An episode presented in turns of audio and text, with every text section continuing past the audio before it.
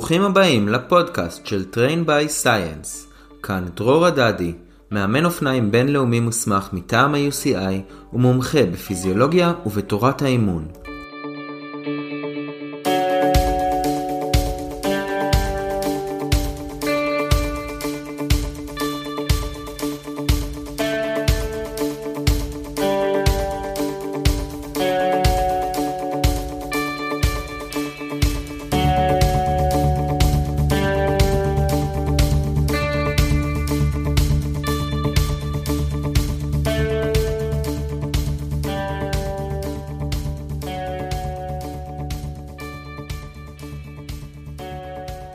הזיכרון הכי משמעותי שלי כילד מעולם האופניים הוא זיכרון מאוד מאוד מסוים. והזיכרון הוא פנטני, מטפס על אופני ביאנקי בצבע צ'לסטה, בהילוך מאוד מאוד כבד באופן יחסי, מטפס בעמידה על הדרופים ופשוט מפרק את הפלטון. אני לא יודע באיזה סטייג' בדיוק זה היה, אני די בטוח שזה היה בג'ירו, אתם יודעים, בכל זאת הייתי בן עשר, אבל אני ממש זוכר את הזיכרון הזה כזיכרון משמעותי, וזה אולי אחד הזיכרונות שהכי חרטו בי את האהבה לטיפוסים ואת התפיסה של רוכבי אופניים אמיתיים כרוכבי אופניים שיודעים לטפס. תוסיפו לכך את העובדה שגדלתי באלפי מנשה, שמי מכם שמכיר זה פשוט גבעה, וכל מה שעשינו במשך כל אימון היה לעלות ולרדת, בין אם זה את אלפי מנשה עצמה, ובין אם היינו נסים לכוכב יאיר או למקומות אחרים, ומטפסים ויורדים בדרך לשם. אז עליות וירידות היו חלק מאוד משמעותי מהאימונים שלי כילד, ובאמת כילד לא ידעתי בכלל שמישור זה משהו משמעותי, כלומר מבחינתי תמיד העליות היו הסיפור האמיתי וכל השאר היו קשקוש, שזה די שונה מהרוכב שאני היום, כן? כלומר היום אני הרבה יותר מגדיר את עצמי כמישוריסט, אבל אני חושב שאצל הרבה מאיתנו יש את התפיסה הזאת, שבשביל להיות רוכב אופניים טוב צריך לדעת לטפס.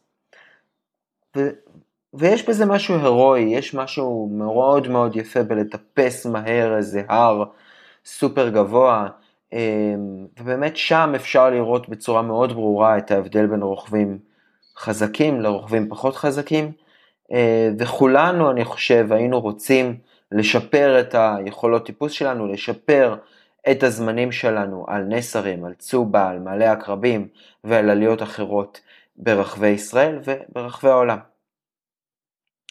עכשיו אנחנו יודעים שיש רוכבים טובים יותר בטיפוס מרוכבים אחרים, בדרך כלל הרוכבים האלה יהיו רזים מאוד, וקצת ייראו כאילו הם מרחפים על העלייה במקום לטפס אותה, כמו שהרבה מאיתנו עושים. ובפרק של היום, הנושא הוא טיפוסים. היום אנחנו נדבר על המדע מאחורי טיפוס העליות, גם ניכנס לרמה הפיזיקלית של מה המשוואות הפיזיקליות שנוגעות לטיפוס, וגם נדבר על ההבדלים בין מישור לבין לא, לבין עליות, אה, ולהבדלים בין רוכבים שהם מטפסים לשאינם מטפסים. אני אעשה גם ראיון עם גיל קשי, אחד מהמטפסים הכי קלאסיים בישראל, אה, ובאמת ננסה להבין ממנו איך הוא מרגיש בטיפוס, ובאמת לקבל ממנו טיפים בנוגע לאיך לטפס בצורה יותר טובה. ובסוף הפרק, או כנראה סדרת הפרקים שאני עובד עליה כעת, אני אתן טיפים על איך אפשר להשתפר בעליות, על איזה אימונים ספציפיים כדאי לכם לעשות על מנת להשתפר בעליות. אני מוכרח לציין שכחלק מההכנה לפרק, היא לקחה הרבה מאוד זמן ההכנה הזאת, קראתי המוני מחקרים ומאמרים על הנושא הזה של טיפוס עליות.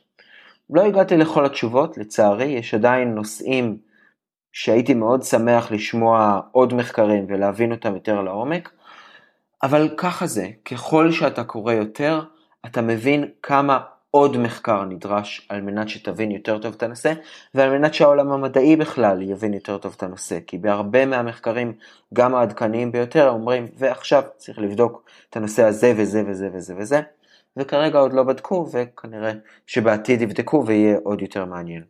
אבל אם תסתכלו בשואו נוטס של הפרק באתר שלי trainbyscience.com תוכלו לראות את רשימת המאמרים הרלוונטיים עליהם התבססתי בפרק. אז מוכנים לזה? שתהיה האזנה נעימה. פרק ראשון מתוך סדרת פרקים על טיפוסים. יאללה, let's go.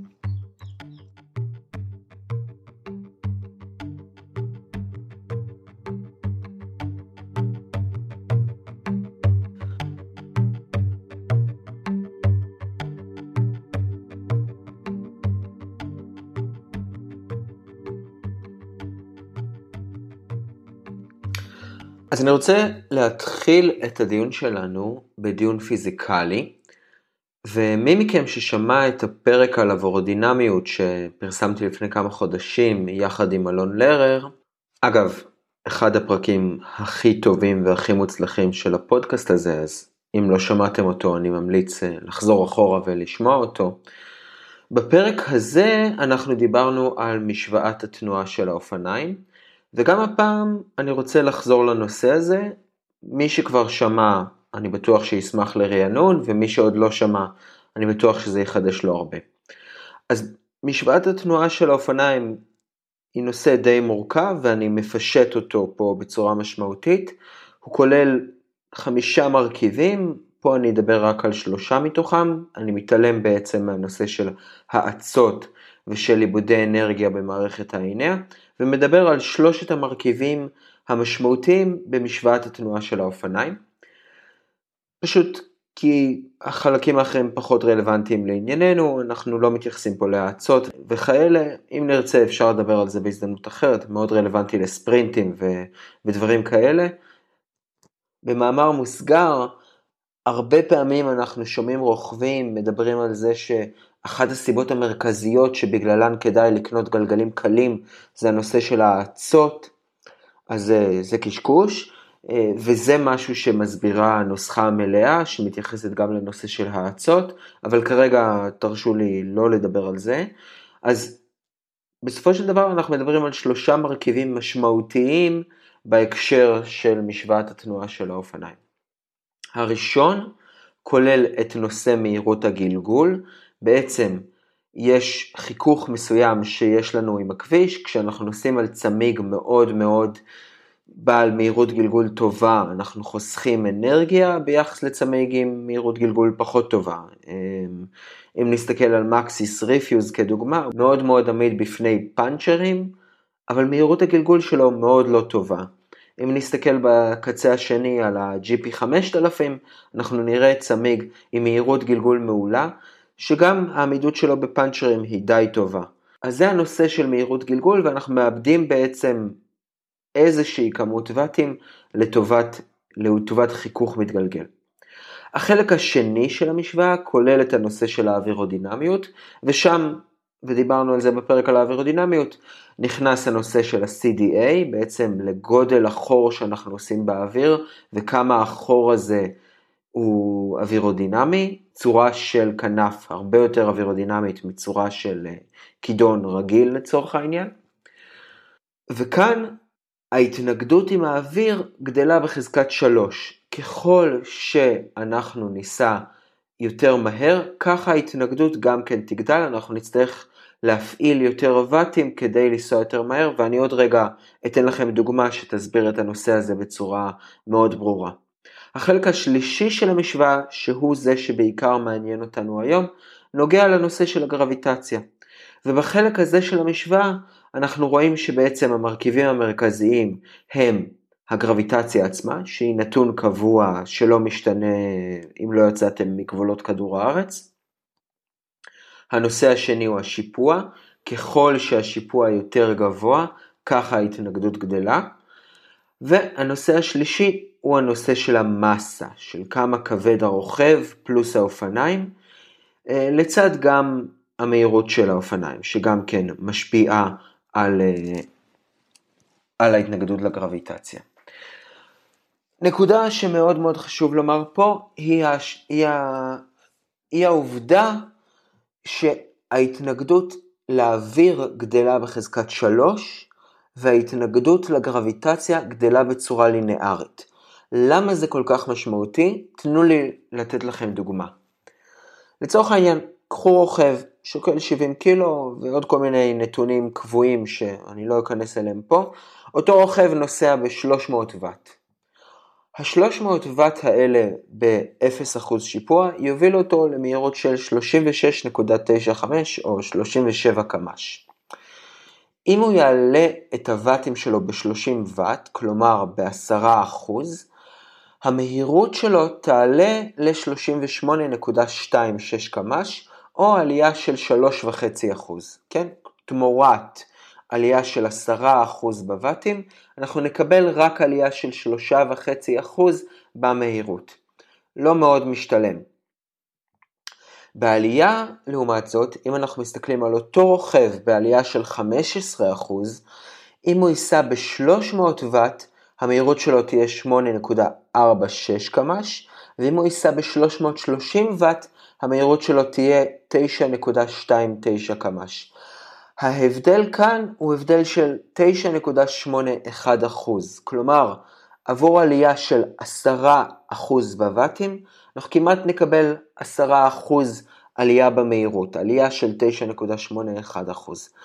אז מהסיבה הזאת, אתם כבר מבינים שהרבה יותר שווה לנו להוציא יותר ואטים בחלקים המשופעים של העלייה, לעומת החלקים הפחות משופעים שלה. וזה אולי קצת counter intuitive, לכאורה בחלקים הפחות משופעים אנחנו ניסע יותר מהר אם נלחץ יותר, אבל אנחנו גם נאבד באופן יחסי יותר אנרגיה. אם אנחנו יכולים לחסוך את האנרגיה הזאת ולשים אותה בשיפוע, אז עדיף לנו. ובשביל לתת דוגמה בנושא הזה, בואו נסתכל רגע על מסלול אליפות ישראל בנג"ש 2019, מסלול שהוא לא מישורי. זה מסלול שכולל שלוש עליות מאוד מאוד משמעותיות של סדר גודל 8% שיפוע, לא מאוד ארוכות, אבל עדיין יש שם שיפועים משמעותיים. כשאנחנו באים ומתכננים את חלוקת הוואטים שלנו לאורך המסלול, אנחנו נרצה לתת ואטים יותר גבוהים בקטעי העלייה הללו, על מנת להגיע לתוצאה טובה יותר. כלומר, בהנחה ואנחנו יכולים להגיע לאיזשהו כוח מנורמל מסוים לכל אורך המרוץ, ואנחנו יכולים לשחק איתו, אז עדיף לנו לשים יותר ואטים בצורה משמעותית בקטעי העליות האלה, כי שם אנחנו מקבלים יותר תפוקה עבור הוואטים שלנו, שם היחס הוא יחס לינארי יותר, מאשר לשים את הוואטים האלה בקטעי המישור. בקטעי המישור אנחנו נקבל תפוקה פחות טובה עבורם, כי שם היחס הוא יחס של אה, עלייה בהתנגדות בחזקת 3. אז זה, זה דוגמה ספציפית לאליפות ישראל בנגד השעון, ואפשר גם לראות את זה למשל בעלייה המרכזית באליפות ישראל כביש. גם שם אנחנו נשאף לשים את הוואטים הכי גבוהים שלנו בקטעי העלייה המשופעים.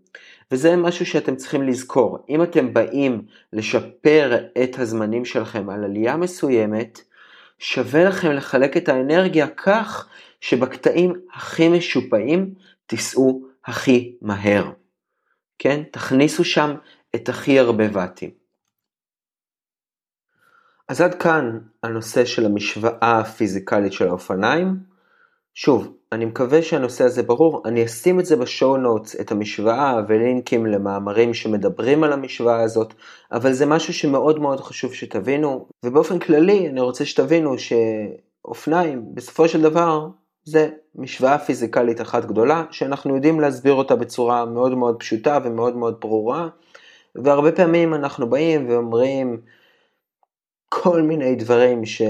שהם שטויות, כן? כאילו, נתתי לכם קודם את הדוגמה עם החשיבות של האצות, זה לא נכון, מהירות, אה, האם לשים את המשקל בחלקים אה, נעים או לא נעים, לא כל כך משמעותי, כן? כאילו, בסדר, יש פה כל מיני דברים שאנחנו מתייחסים אליהם ואומרים אותם והם נורא יפים, אבל כשאנחנו מכניסים את זה לתוך המשוואה הפיזיקלית של אופניים בסופו של דבר, אנחנו מבינים שזה, שזה שטות אחת גדולה, וסבבה, אה, כאילו, אם אנשים אומרים לכם את זה אז תפנו אותם לפודקאסט ותגידו להם, דרור לא מסכים. יאללה, לנושא הבא.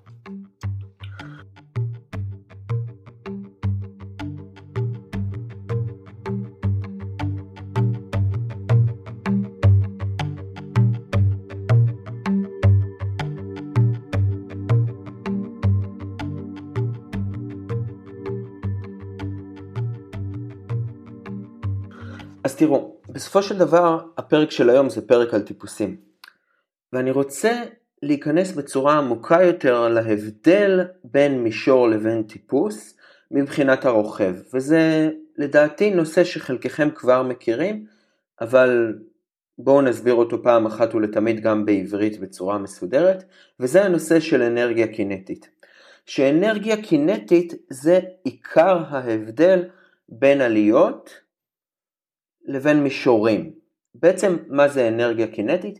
אנרגיה קינטית זה האנרגיה האצורה בגוף מסוים בזכות תנועתו.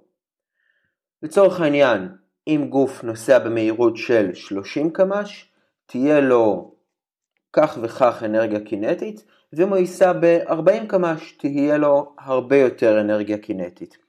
וכאן אנחנו רואים בצורה מאוד ברורה את ההבדל בין עליות לבין מישורים. פשוט בגלל שיש הבדל במהירות שאנחנו נוסעים בה. כלומר, בגלל שבמישור אנחנו נוסעים הרבה יותר מהר, תהיה לנו הרבה יותר אנרגיה קינטית. הנוסחה הפיזיקלית של אנרגיה קינטית היא חצי מסה כפול מהירות בריבוע. אז חצי מסה זה בסדר, העניין המרכזי שמעניין פה זה הנושא של המהירות בריבוע. ובעצם ככל שאנחנו מעלים את המהירות שלנו, אנחנו לא גדלים בצורה לינארית בכמות האנרגיה הקינטית שיש לנו, אלא אנחנו גדלים בריבוע. כלומר, אם ניסע 40 קמ"ש, יש פה הרבה יותר אנרגיה קינטית מאשר אם ניסע ב-30 קמ"ש, ועוד רגע אני אתן את הדוגמאות הספציפיות פה. אבל מה שזה גם אומר, זה שככל שיש לנו יותר אנרגיה קינטית, ככל שאנחנו נוסעים יותר מהר, ייקח יותר זמן להאט אותנו.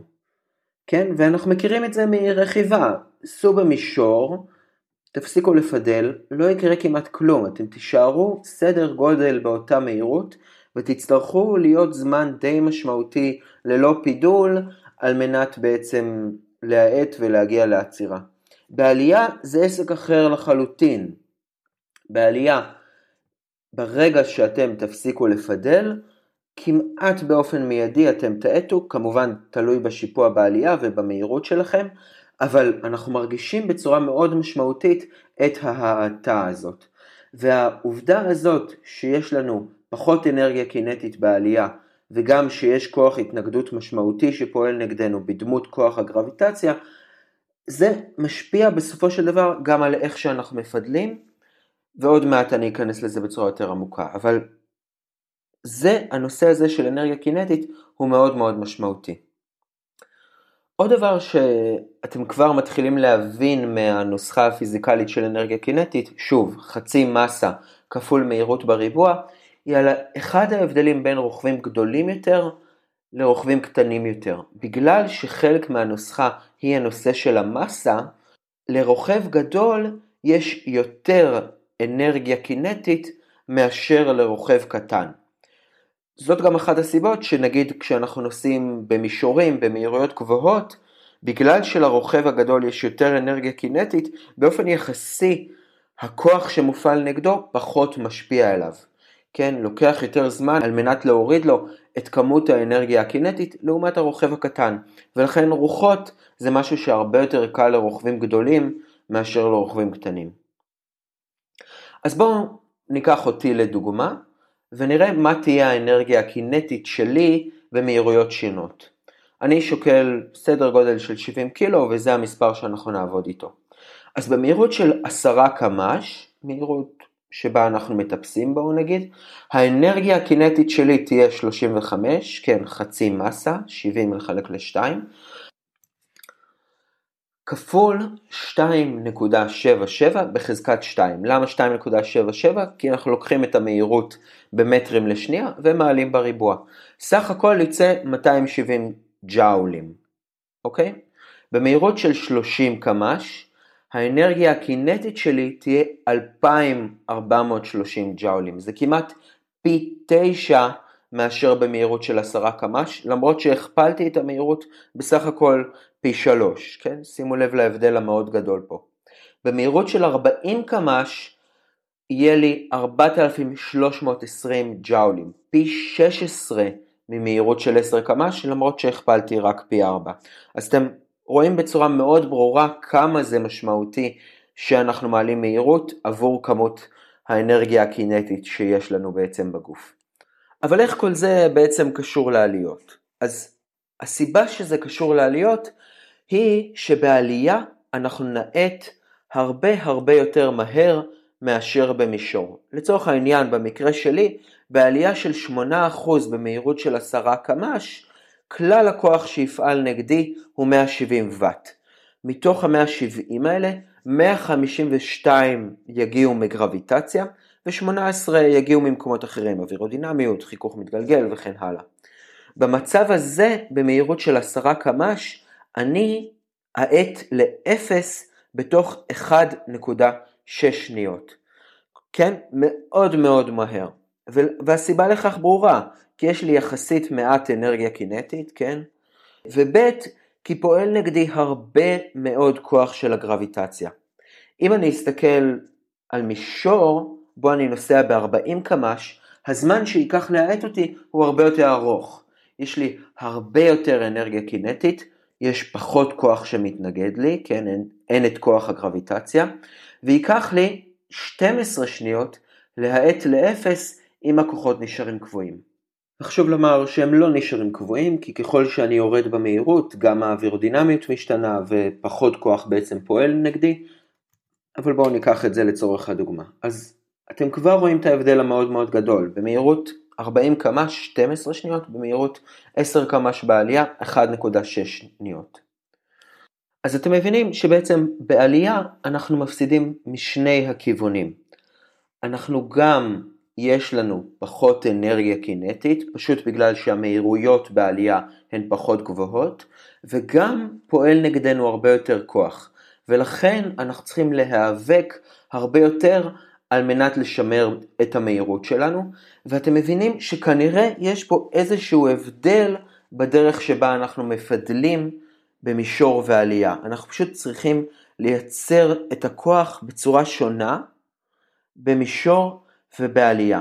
ועל פי ריוויו משנת 2012 בשם Biomechanics and Energetics of Uphill Cycling, יש באמת הבדל מסוים בטורק, בכוח המופעל על הפדל, בזוויות השונות, אז יש הבדל בטורק המופעל בעלייה לעומת מישור. וכן בנקודת הסיבוב הפדל שבה מגיעים לכוח מקסימלי. האם נראה שזה מאוד משמעותי? לפחות לפי הריוויו הזה זה לא נראה מאוד משמעותי, אבל כן אנחנו רואים ו- וראיתי כחלק מהמאמרים שקראתי לקראת הפרק הזה, שיש הבדל בנקודה הזאת, וזה כשאתם קוראים מאמרים במקומות אחרים על הנושא הזה, זה עיקר הדבר שמוזכר, שבעצם בגלל שכל הזמן מופעל נגדנו כוח האטה מאוד משמעותי, אז משהו בפידול שלנו משתנה. בעצם אנחנו צריכים להפעיל כוח לאורך חלקים יותר משמעותיים מהפידול. ולמרות שבריוויו הזה אולי הדבר הזה לא מופיע בצורה מאוד ברורה, אני חושב שכולנו נסכים שמבחינת תחושה בעלייה פועל עלינו יותר כוח. והכוח הזה מכריח אותנו להפעיל את הכוח בצורה שונה. אגב, אני אשים בשואו נוטס איזשהו אתר מאוד מגניב לחישוב כוחות, אתם יכולים לשים שם את המשקל שלכם, מהירות שלכם, ובעצם לראות בעלייה כמה כוח פועל עליכם מחלקים שונים, כלומר כמה כוח פועל נגדכם בגלל גרביטציה, כמה כוח פועל נגדכם בגלל אווירודינמיות וכן הלאה. אני מאוד נהניתי מזה, זה ממש אה, מבהיר בצורה ברורה את הנושא הזה. אז כעת אחרי שסיימנו לעסוק בהרבה מאוד פיזיקה, כן, דיברנו גם על משוואת התנועה של אופניים וגם על אנרגיה קינטית, בואו ננסה קצת לגעת בנושא של מה ההבדל בין רוכבים שהם מטפסים לרוכבים שהם לא מטפסים. על מנת לדבר על הנושא הזה, תרשו לי לחלק את הנושא הזה לשניים. א', ראיינתי את גיל קשי, ומי מכם שלא מכיר את גיל קשי הוא אחד המטפסים המחוננים בארץ, ובמהלך הראיון אני אציג אותו בצורה יותר טובה. אז ראיינתי את גיל קשי באמת בשביל לעמוד על ההבדלים בין מטפסים ללא מטפסים, ואחרי שתשמעו את הראיון איתו, אני אסביר בעצם מה הנקודות המשמעותיות שנוגעות להבדל בין מטפסים ללא מטפסים, תוך התייחסות לראיון איתו. אז עד כאן החלק שבו אני מדבר הרבה בפרק של היום, מכאן אנחנו נרוץ לראיון עם גיל קשי, ובפרק הבא אנחנו נחדד את ההבדלים בין מטפסים ללא מטפסים, נדבר על קדנס ועל פידול ומה ההבדל בעצם בין פידול טוב ונכון לעלייה לפידול פחות נכון לעלייה, נדבר על המידע, על פעולת שרירים, ובסוף הפרק אני גם אתן המלצות אימוניות שלי על מנת לשפר את היכולות שלכם בעלייה. אז תודה על ההאזנה עד כה, וקדימה לראיון עם גיל קשי.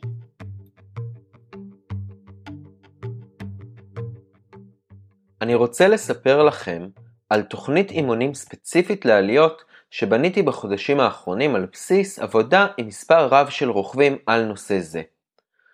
תוכנית האימונים הזו תעזור לכם להפוך למטפסים טובים יותר על ידי עבודה ממוקדת על האלמנטים החשובים לטיפוס. התוכנית מתמקדת כמובן בכושר כללי, אשר נדרש על מנת להשתפר בעליות, אך גם בטכניקה, בשרירים ואפילו ביכולות המנטליות הנדרשות על מנת להשתפר בעליות. בניתי את התוכנית הזו משום שהרגשתי שרוכבים רבים מעוניינים להשתפר ספציפית בנושא זה, אבל לא יודעים איך לעשות את זה. התוכנית הינה כללית ואינה כוללת ליווי אישי צמוד שלי, אך עדיין מבוססת על הידע שצברתי לאורך שנים כמאמן ועל תוכניות אימונים אישיות שנכתבו לטובת טיפוסים. לפרטים נוספים אודות נושא זה, אתם מוזמנים להיכנס לאתר שלי trainbyscience.com או לשלוח אליי מייל לדרור את trainbyscience.com. זהו, אשמח לשמוע מכם, וכעת בואו נמשיך בפרק.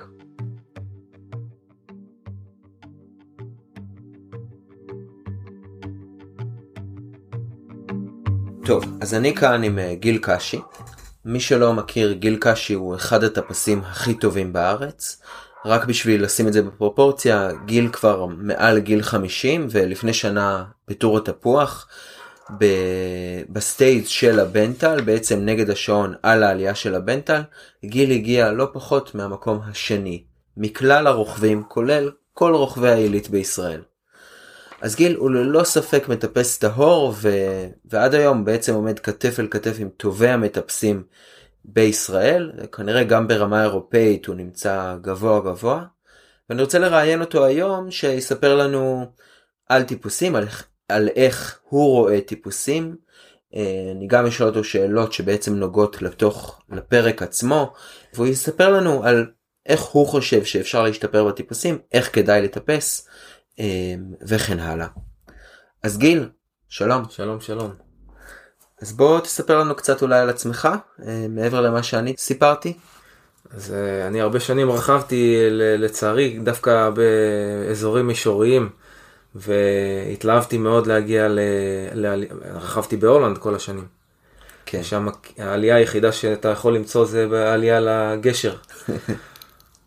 אז אה, התלהבנו מאוד תמיד לנסוע להרים, לארדנים. כן. שזה קצת כמו הגליל העליון פה. ערים בגובה של 500 מטר, קצת פחות גבוהים.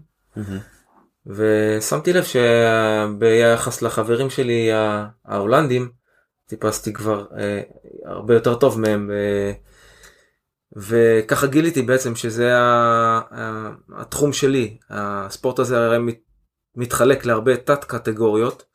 יש מי שנולד עם uh, uh, ספרינט חזק ברגליים, ואפשר לראות את, הזה, את זה על הפיזיות שלו. יש מי שנולד עם uh, נגש טוב, ויש מי שנולד עם uh, uh, פיזיות של טפס. אפשר לראות את זה uh, כבר במבט ראשון. כן. כלומר אתה אומר יש איזשהו מבנה גוף בוודאי, שאתה מיד יכול לומר על מישהו אם הוא מטפס או לא. ואם לא הוא יכול לפתח את זה כמובן אם יש לו מבנה גוף זה רק עוזר. כן. זה בטח שעוזר. כן. אה, משקל הוא דבר אה, בטוח שהוא קובע בעליות. כן, ועוד רגע באמת אה, נדבר על משקל. אז בוא תספר לי קצת על עליות בעיניך, איך, אה, מה זה עלייה בעיניך, איך זה מרגיש לך בתור מטפס. אני יודע שבשבילי זה בדרך כלל סיוט. תשמע, כל עלייה אה, היא כשלעצמה. יש עליות שהן אה, קצרות, אה, שאנחנו, אתה יודע מה, אפשר ל, ל, להשוות את זה לעליות שאנחנו אה, רכבנו ב, כמו ב, במרתון אופני הרים, שאפשר לפוצץ אותן, שהן קצרות מאוד. מה זה קצרה? עלייה של אה, דקה, שתיים, שלוש, כן. אפשר לפוצץ אותה בכל הכוח, ויש עליות שצריך לבנות.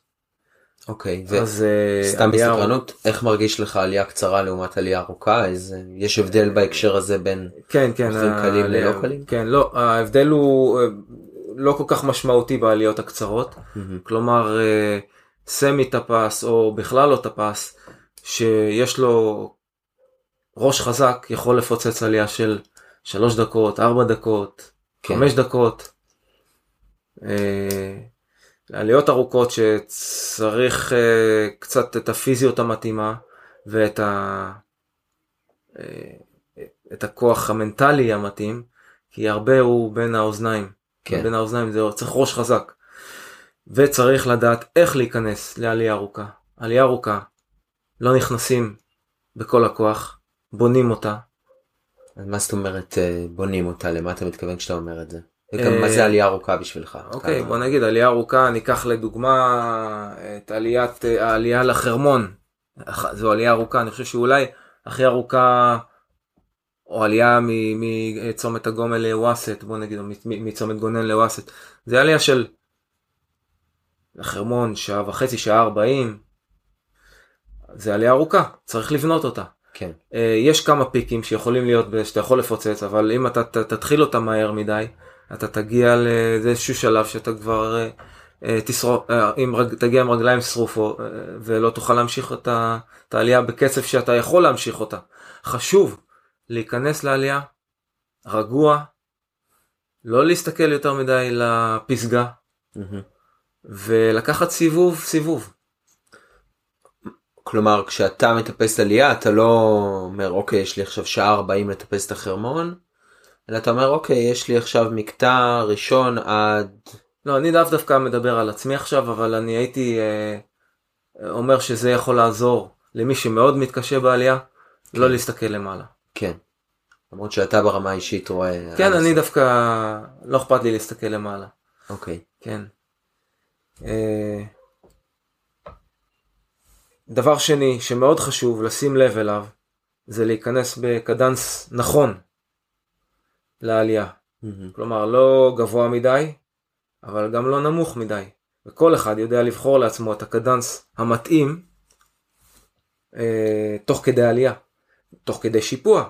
אפשר לשנות קדנס. חשוב מאוד, מה לא לעשות, זה לא אה, לנסות להימנע אה, משימוש בהעברה של פלטה גדולה לקטנה או להפך, אוקיי תוך כדי עלייה.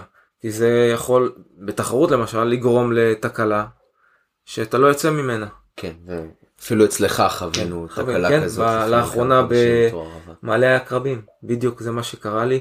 אז הייתי- רגע אז דיברנו קצת סליחה כן. רצית לסיים לא, אני רציתי, פשוט הייתי, יש איזה קטע שמתיישר במעלה העקרבים, העליתי שם על הפלטה, וכשרציתי להוריד לפלטה הקטנה, משהו לא היה מכוון טוב, דרך אגב סידרנו את זה, היום עבדנו על זה, זה מסודר טוב עכשיו, אה, השרשרת נפלה, התקפלה, ולא היה, בזבזתי יותר מדי זמן בשביל להעלות אותה כן בחזרה. כלומר היית באיזה קבוצה בטח של ה... כן, אה, פספסתי את הקבוצה שלי ונכנסתי לקבוצה הבאה. כן ובעצם ככה לא לא כן. ניצחת לצערי כן, אותה מאוד. לצערי. קצת הזכרת את הנושא של cadence אולי אולי תאמר על זה כמה מילים. כן, cadence נכון, יהיה cadence, בוא נגיד אה, שאם אתה נוסע במישור על 100, אתה לא, תעש- אתה לא יכול לעשות דבר כזה בעלייה.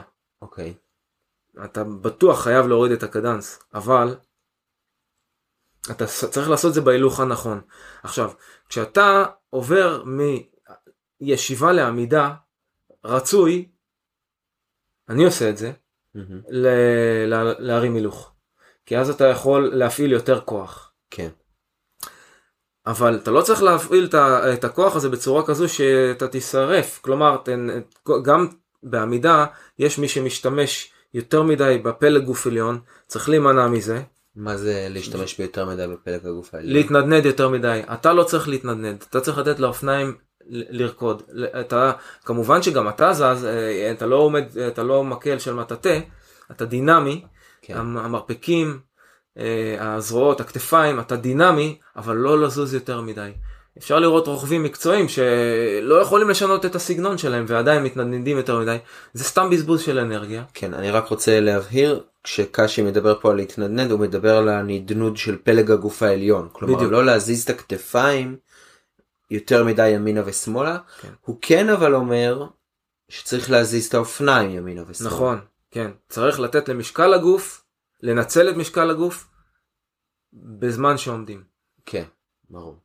לנצל את משקל הגוף, גם את הכוח שיש ברגליים, אבל לנצל את משקל הגוף, ואז אתה גם נותן לישבן מנוחה מהאוכף, שכבר אה, ישבת עליו הרבה זמן, וגם מפזר את חומצת החלב, שהיא, היא, אה, שעוד רגע יוצאת לך מהאוזניים, אתה מפזר אותה קצת וזה יהיה לך יותר נוח לחזור לישיבה אחרי העמידה הזאת. כן.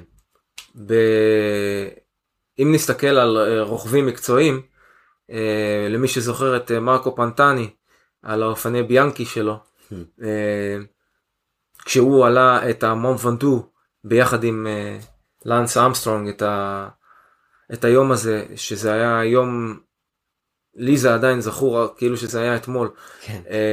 פנטני עמד על הפדלים והסגנון שלו היה כזה שהוא מחזיק למטה בדרופס. נכון, נורא מוזר מטפס ואם נסתכל על אה, אלברטו קונטדור שהוא גם עומד הרבה הוא לא משתמש בדרופס הוא מחזיק רק ב- בידיות כן, בהודס. בהודס הוא היה הרבה יותר אנכי.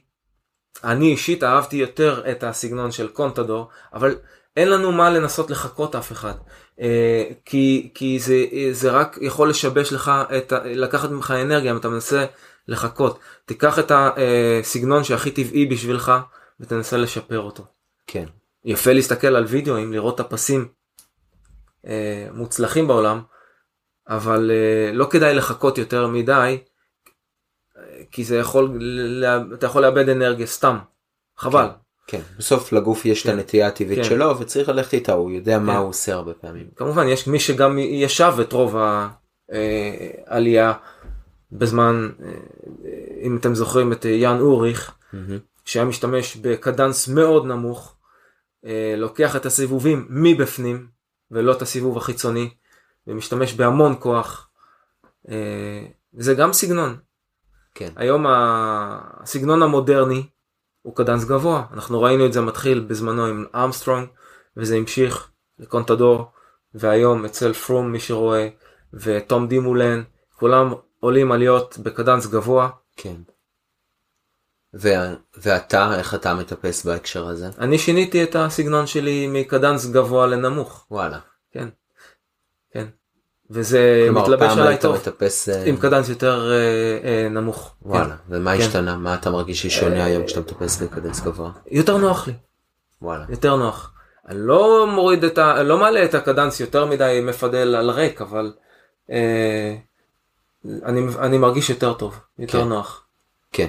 וזה באמת אחד הטיפים שאני עוד אתן בהמשך הפרק, של לבוא ולעבוד על הנושא הזה של קדנס, לנסות צריך להתאמן על זה. בעליות. נכון. זה לא בפעם אחת, זה לא... ב... צריך להתאמן על זה, לעלות הרבה הרבה הרבה ולנסות. גם לראות את המהירות שלך, כשאתה על קדנס כזה ועל קדנס... כן, אבל לא לוותר אחרי כן. שתי רכיבות שבהם מנסים לנסוע מהר. כאילו, כן. אני מרגיש לפחות שכשאני בקדנס גבוה, בהתחלה, אז הרגליים נשרפות לי מאוד מהר, אבל עם הזמן הן מתרגלות לזה, ואז נכון. זה מרגיש הרבה יותר נוח. נכון. נכון. דיברת קצת על עמידה, אה, והזכרת באמת את הסגנונות השונים של קונטדור ופנטני וכן הלאה. כמה זמן לדעתך בעלייה צריך להיות בעמידה, בישיבה, כל כמה זמן לשנות? וואו, זו שאלה באמת טובה. קשה לי להגדיר את זה בזמן, באמת קשה לי להגדיר את זה בזמן, כי זה מאוד תלוי בשיפוע. מאוד תלוי בשיפוע. אז באיזה שיפוע אתה עומד, באיזה יושב? לא, אני לא עומד כשהשיפוע משתנה, לא, לא בהכרח כשהשיפוע משתנה, כשהצורך לכך בגוף מבקש לעמוד, אני, אני, אני מרגיש שאני צריך לעמוד, אז אני עומד. אישית, אבל כאשר השיפוע יורד והכביש מתיישר, mm-hmm. ואין לך אה, אה, צורך ביותר מדי כוח בעמידה, עדיף שתשב. כן. כי אתה לא יכול לעמוד ולפדל כמו משוגע, כמו מכונת תפירה. או שאתה תמשיך לעמוד ואתה תצטרך להרים הילוך. כן. והילוך יותר כבד. זה אבל, גם. אבל כמו שאמרת קודם, כשאתה עובר לעמידה אתה קצת משחרר את השרירים. אתה משחרר את השרירים, כן, ואתה... ואז נכון. אותו דבר גם נכון אני מניח בהקשר כן. ההפוך, מגיע חלק נכון. יותר מישורי. ו... ואז אתה יכול לשבת ולהמשיך קדנס יותר גבוה. כן. בדרך כלל אתה יכול גם להוריד את ההילוך. שוב, לנסות להימנע מלהוריד פלטה, אם, אם אין צורך, לא לשחק יותר מדי עם הפלטה הגדול קטן, אלא אה, להישאר בפלטה אחת, אה, לבחור ולנסות להעלות איתה את, ה, את כל העלייה. כי בדרך, בסך הכל, אם אין שינויים של אה, שיפועים, יותר מדי שינויים של אמבטיות, אז לא צריך לעשות את ההעברה הזו. ברור. אוקיי, אז זה מה כן לעשות בעליות, מה לא לעשות בעליות. מה בטח לא לעשות זה לא להיכנס לעלייה עם אוכל בפה, שידרוש ממך אה, ללעוס כשאתה צריך לקבל חמצן. אה, צריך, צריך ל, ל, להשתדל לאכול לפני הכניסה לעלייה, שגם שיהיה לך יותר נוח לנשום, לקחת הרבה אוויר מהאף ומהפה, להכניס אוויר, וגם שיהיה לך פחמימה זמינה בזמן שאתה צריך אותה בעלייה ולא אה, אחרי העלייה או לפני העלייה. כן. אז לאכול בזמן, לשתות בזמן, אה, שתוכל להתרכז בעלייה. כן, צריך כן. את המקום שלה. אוקיי. מה לא לעשות? מה עוד לא לעשות? מה לא לעשות? אה, אה דבר שני שלא לעשות זה כשאתה עומד על הפדלים, שים את הידיים או על הידיות או בדרופס. כן. אבל לא במרכז הכידון, אתה לא יכול לעמוד אה, ולעשות, אפשר לעשות את זה, אבל אין לך שליטה טובה על, ה, על האופניים. ברור, זה בעצם... בש... אה, מור... לא, אין, זה לא, משהו פה לא, לא תופס טוב. נכון, השליטה באופניים היא על הפנים פשוט במצב הזה. כשאתה בעמידה. עכשיו, אם אתה יושב, אתה יכול לשים את הידיים, לנוח עם הידיים על הכידון למעלה, ולעשות את זה בישיבה. כן. כן. אה, כאשר אתה עובר מ, אה, לעמידה מישיבה, זה אמרנו את זה לא בהכרח אה, להגביר את המהירות כמו שזה נראה אולי, mm-hmm. זה יותר לפזר את, ה, את החומצת החלב ברגליים ויותר לשחרר את השרירים. מעניין, כי יש מחקר שאני אציין אותו בפרק, שבו מדברים על, בעצם הם מנתחים עליות של מטפסים ומנסים לבוא ולהגיד למה מטפסים עוברים לעמידה. מה שהם אומרים במחקר זה שהסיבה המרכזית למעבר בעמידה זה בעצם לשמור על מהירות כמה שיותר יציבה לכל אורך העלייה. הם אומרים ברגע שמגיעים לשיפוע אפשר להוציא יותר כוח בעמידה ואת זה אנחנו יודעים מספרינטים ו- וכדומה ולכן כשמטפסים מגיעים לשיפועים הם עומדים כדי כמה שיותר לשמור על אה, מהירות ממוצעת זהה לכל אורך העלייה כמה שאפשר. אתה מרגיש שזה פחות המצב. אני חושב שאתה מחזק את מה שאני אומר, כי כשאתה עומד אתה שומר על מהירות, אתה לאו לא דווקא מנסה לעשות, אה, להגביר, זה לא ספרינט. כשאתה כן. עומד בעלייה אתה לא עושה ספרינט, אתה עומד בשביל לנצל, אה, לשמור על המהירות ולנצל את משקל הגוף, לזרוק את האופניים ימינה שמאלה ולהישאר במהירות שלך, להישאר ב... אתה נכנס לטראנס כלשהו. כן. אז uh, אתה דווקא מחזק את מה שאני אומר. אני לא אומר שכשאתה עומד אתה לאו דווקא מגביר את המהירות. אתה משמר אותה הרבה. אתה משמר אותה, כן. מעולה.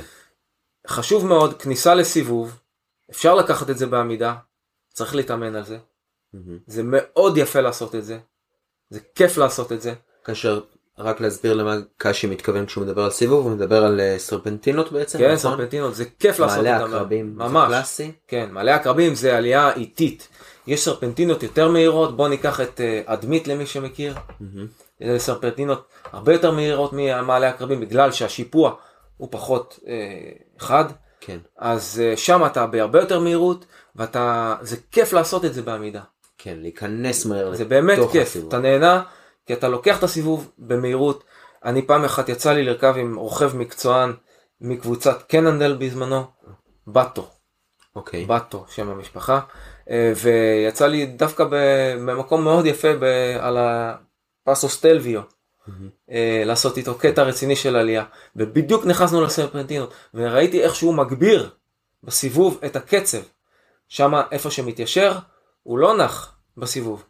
הוא נותן מרים הילוך ומגביר קצב. וזה, אתה מתכוון בחלק הפנימי או בחלק החיצוני של הסיבוב? הוא לקח את הסיבובים ככה קומסי קומסה באמצע אבל הוא הגביר קצב כן, הוא הגביר קצב בסיבוב עצמו זה היה מדהים לראות את זה כן. אני זוכר את זה כאילו זה היה אתמול, זה היה מדהים.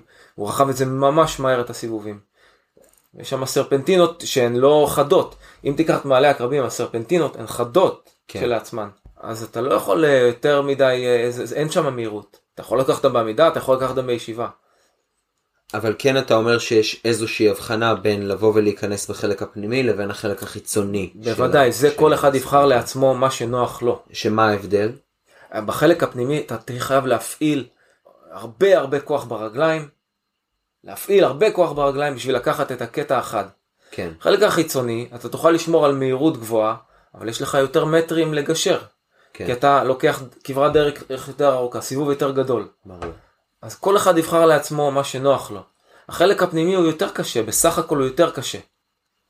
כן, נש- נשמע לי לפחות כן. שדווקא את הפסים שהם יותר קלים והשיפועים יותר קלים להם באיזשהו מקום, אולי להם יותר מתאים חלק פנימי מאשר אה, לרוכבים מסוג אחר. בסוף זה אפשר לראות שכל אחד לוקח את הסיבוב איך שנוח לו. אנחנו זוכרים את אה, יאן אוריך שהיה לוקח את הסיבוב כמה שיותר קצר מבפנים ואפילו לא עומד. יושב כל הדרך מדהים. על האוכף, כן. כן. זה באמת מדהים, נכון. זה גם כמשהו ייחודי לאוריך. כן, אולריך באופן כללי היה רוכב אה, מיוחד.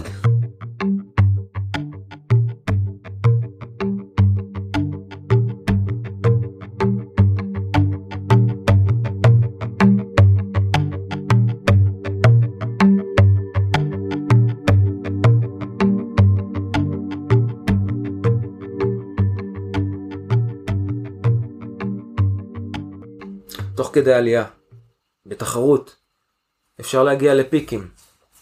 מי שרכב עם הקבוצות עילית בארץ בתחרות, אז uh, למשל את העלייה הזו של ים המלח ממצדה, אתה זוכר את העלייה הזו? אה, עלייה של מצדה העלייה של לערד. מצדה לערד, כן. כן. אז אה, מתחילים אותה בקצב יחסית גבוה, אבל פתאום בסיבוב הראשון, הסיבוב האחד הראשון, יש שם התפרצויות, מתחילות התפרצויות. כן.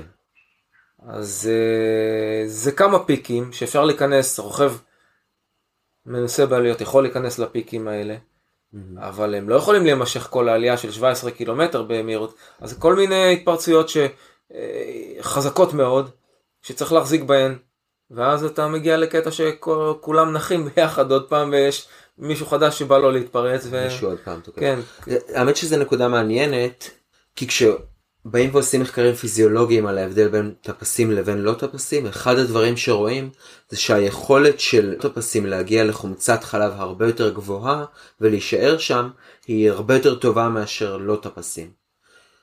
ואחד הדברים שאומרים בהקשר הזה זה שכנראה זה מאפשר להם לקחת שינויי קצב או שינויי שיפוע ולהאיץ בהם הרבה יותר מאנשים שהם לא טפסים כי הגוף שלהם מגיב בצורה פחות שלילית לזה. כלומר הם מסוגלים למרות חומצת החלב הגבוהה מאוד להמשיך ולטפס בקצב אה, גבוה אחר כך. וזה נשמע לי בדיוק מה שאתה מתאר פה. השינויי קצבים האלה שבאים נותנים התקפות אה, אני לא יודע אם אתה יודע להגיד אבל אתה מרגיש שיש בהקשר הזה באמת הבדל בין טפסים ללא טפסים?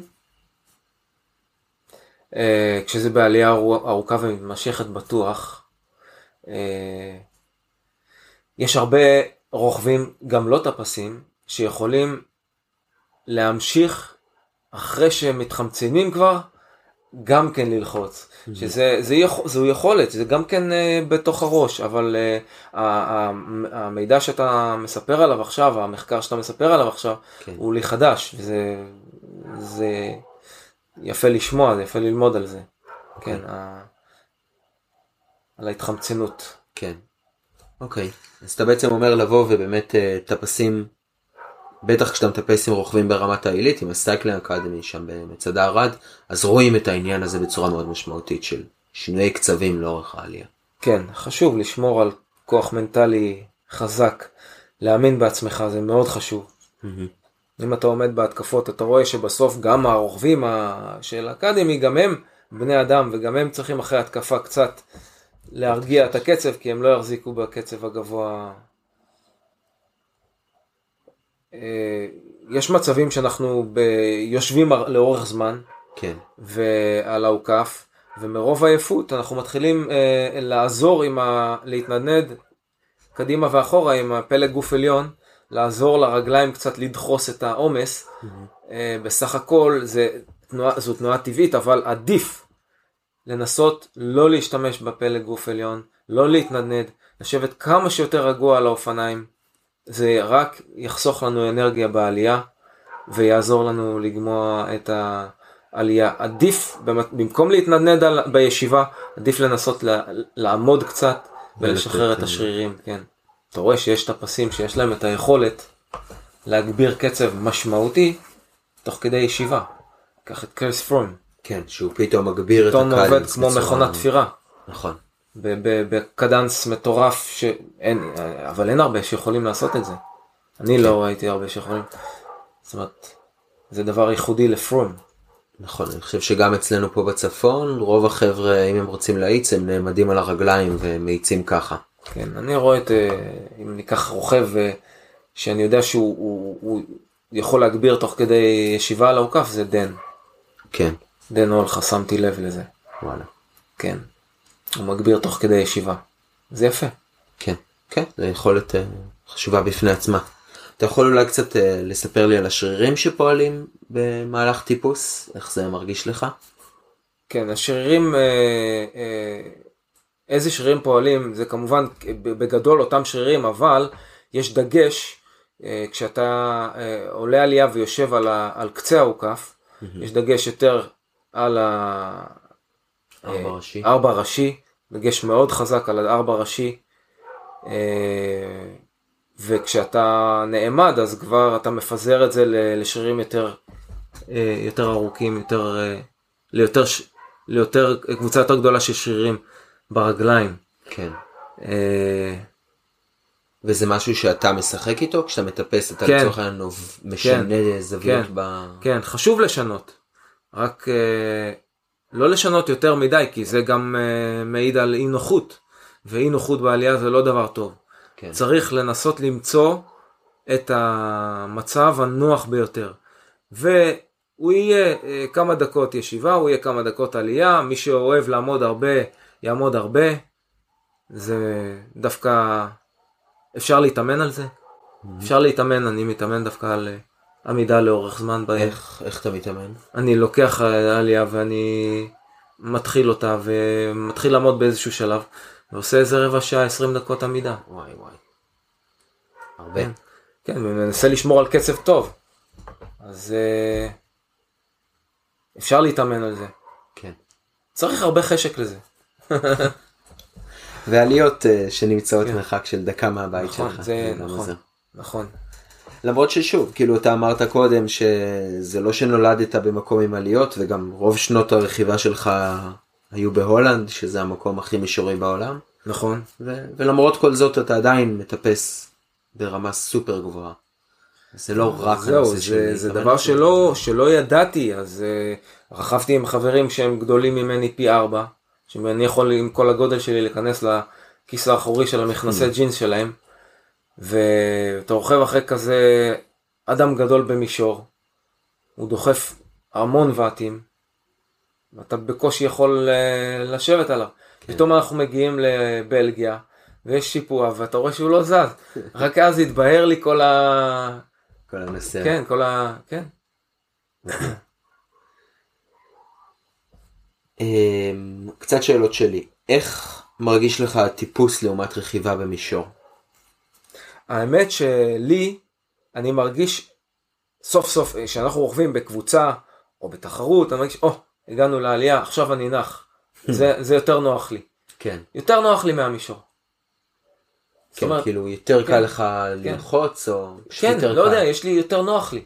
אני, כשאני צריך לעמוד במישור, או לתת ספרינט במישור, אני מתקשה בזה. כן. אני יכול לעשות את זה, אבל uh, בעלייה הרבה יותר נוח לי. כן. ואם כבר אתה אומר שיותר נוח בעלייה אז בתוך העלייה עצמה מה עדיף לך איזה מישורי איזה שיפועים איפה אתה מרגיש יותר בנוח אה, כשמשתנה השיפוע או כשלא משתנה.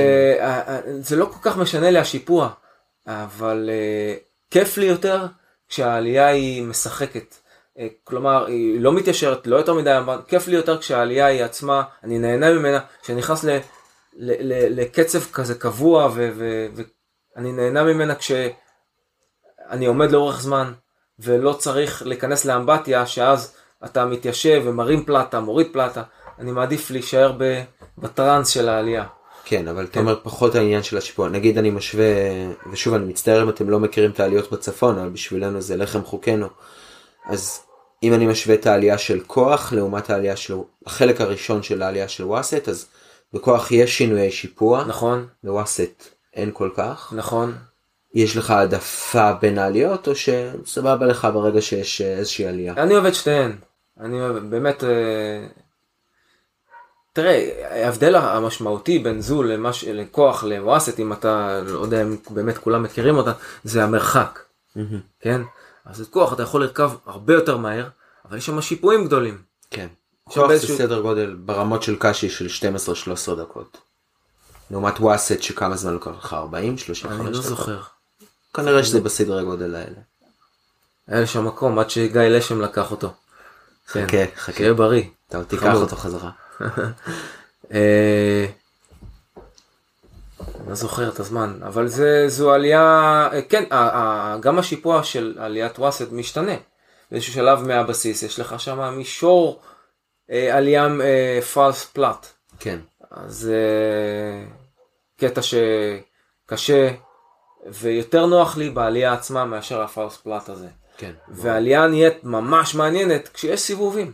באמת, זה, זה תענוג. כן. אני חושב שזה תענוג. אמ, בנוגע לשרירי ליבה, כשדיברתי עם אנשים אחרים, עם שלומי, עם אלון לרר, אחד הדברים שהם אמרו כשהם מטפסים זה שהם הרבה מאוד משתמשים בידיים ובפלג הגוף העליון כדי להזיז את האופניים ימינה ושמאלה. אתה מרגיש את זה גם כן או שאצלך זה פחות? אה, אני עם הזרועות רק זורק את האופניים מצד אל צד.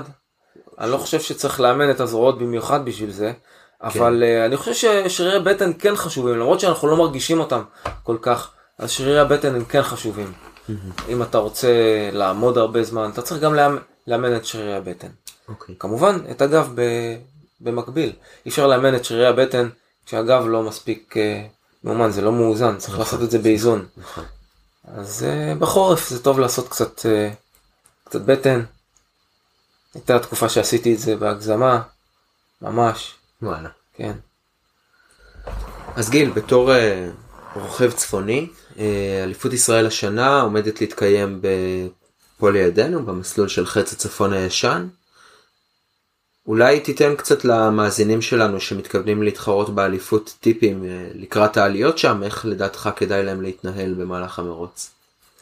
אז uh, העליות בגליל הן לא עליות מאוד ארוכות, אבל הן עליות באמת קשות, העליות שהולכות להיות שם הן, הן קשות. כן, Uh, כי הן לא, יש בהן מהירות.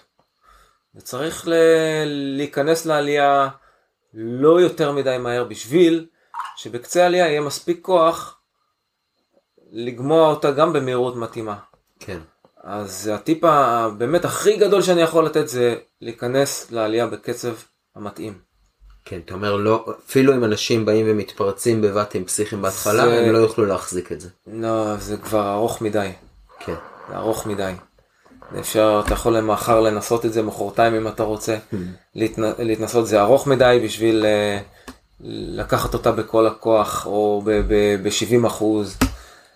זה כבר יותר מדי.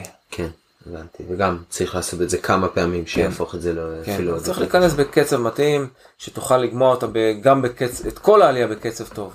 כן, כן, זו, זה הטיפ הכי גדול שאני יכול לתת. מעולה. ושוב, כל אחד יבחר לעצמו מתי הוא עומד ומתי הוא יושב. אין שם אה, סיבובים מסובכים בעלייה, כלומר היא די אה, ישרה. אז אה, מבחינה זו היא לא עלייה טכנית. כן. כן. אוקיי, עוד דברים? בהצלחה. תודה רבה על הדברים שאמרת, אני בטוח שהמאזינים שלנו מאוד ישמחו לשמוע ו... ויחכימו מהם. אני מקווה.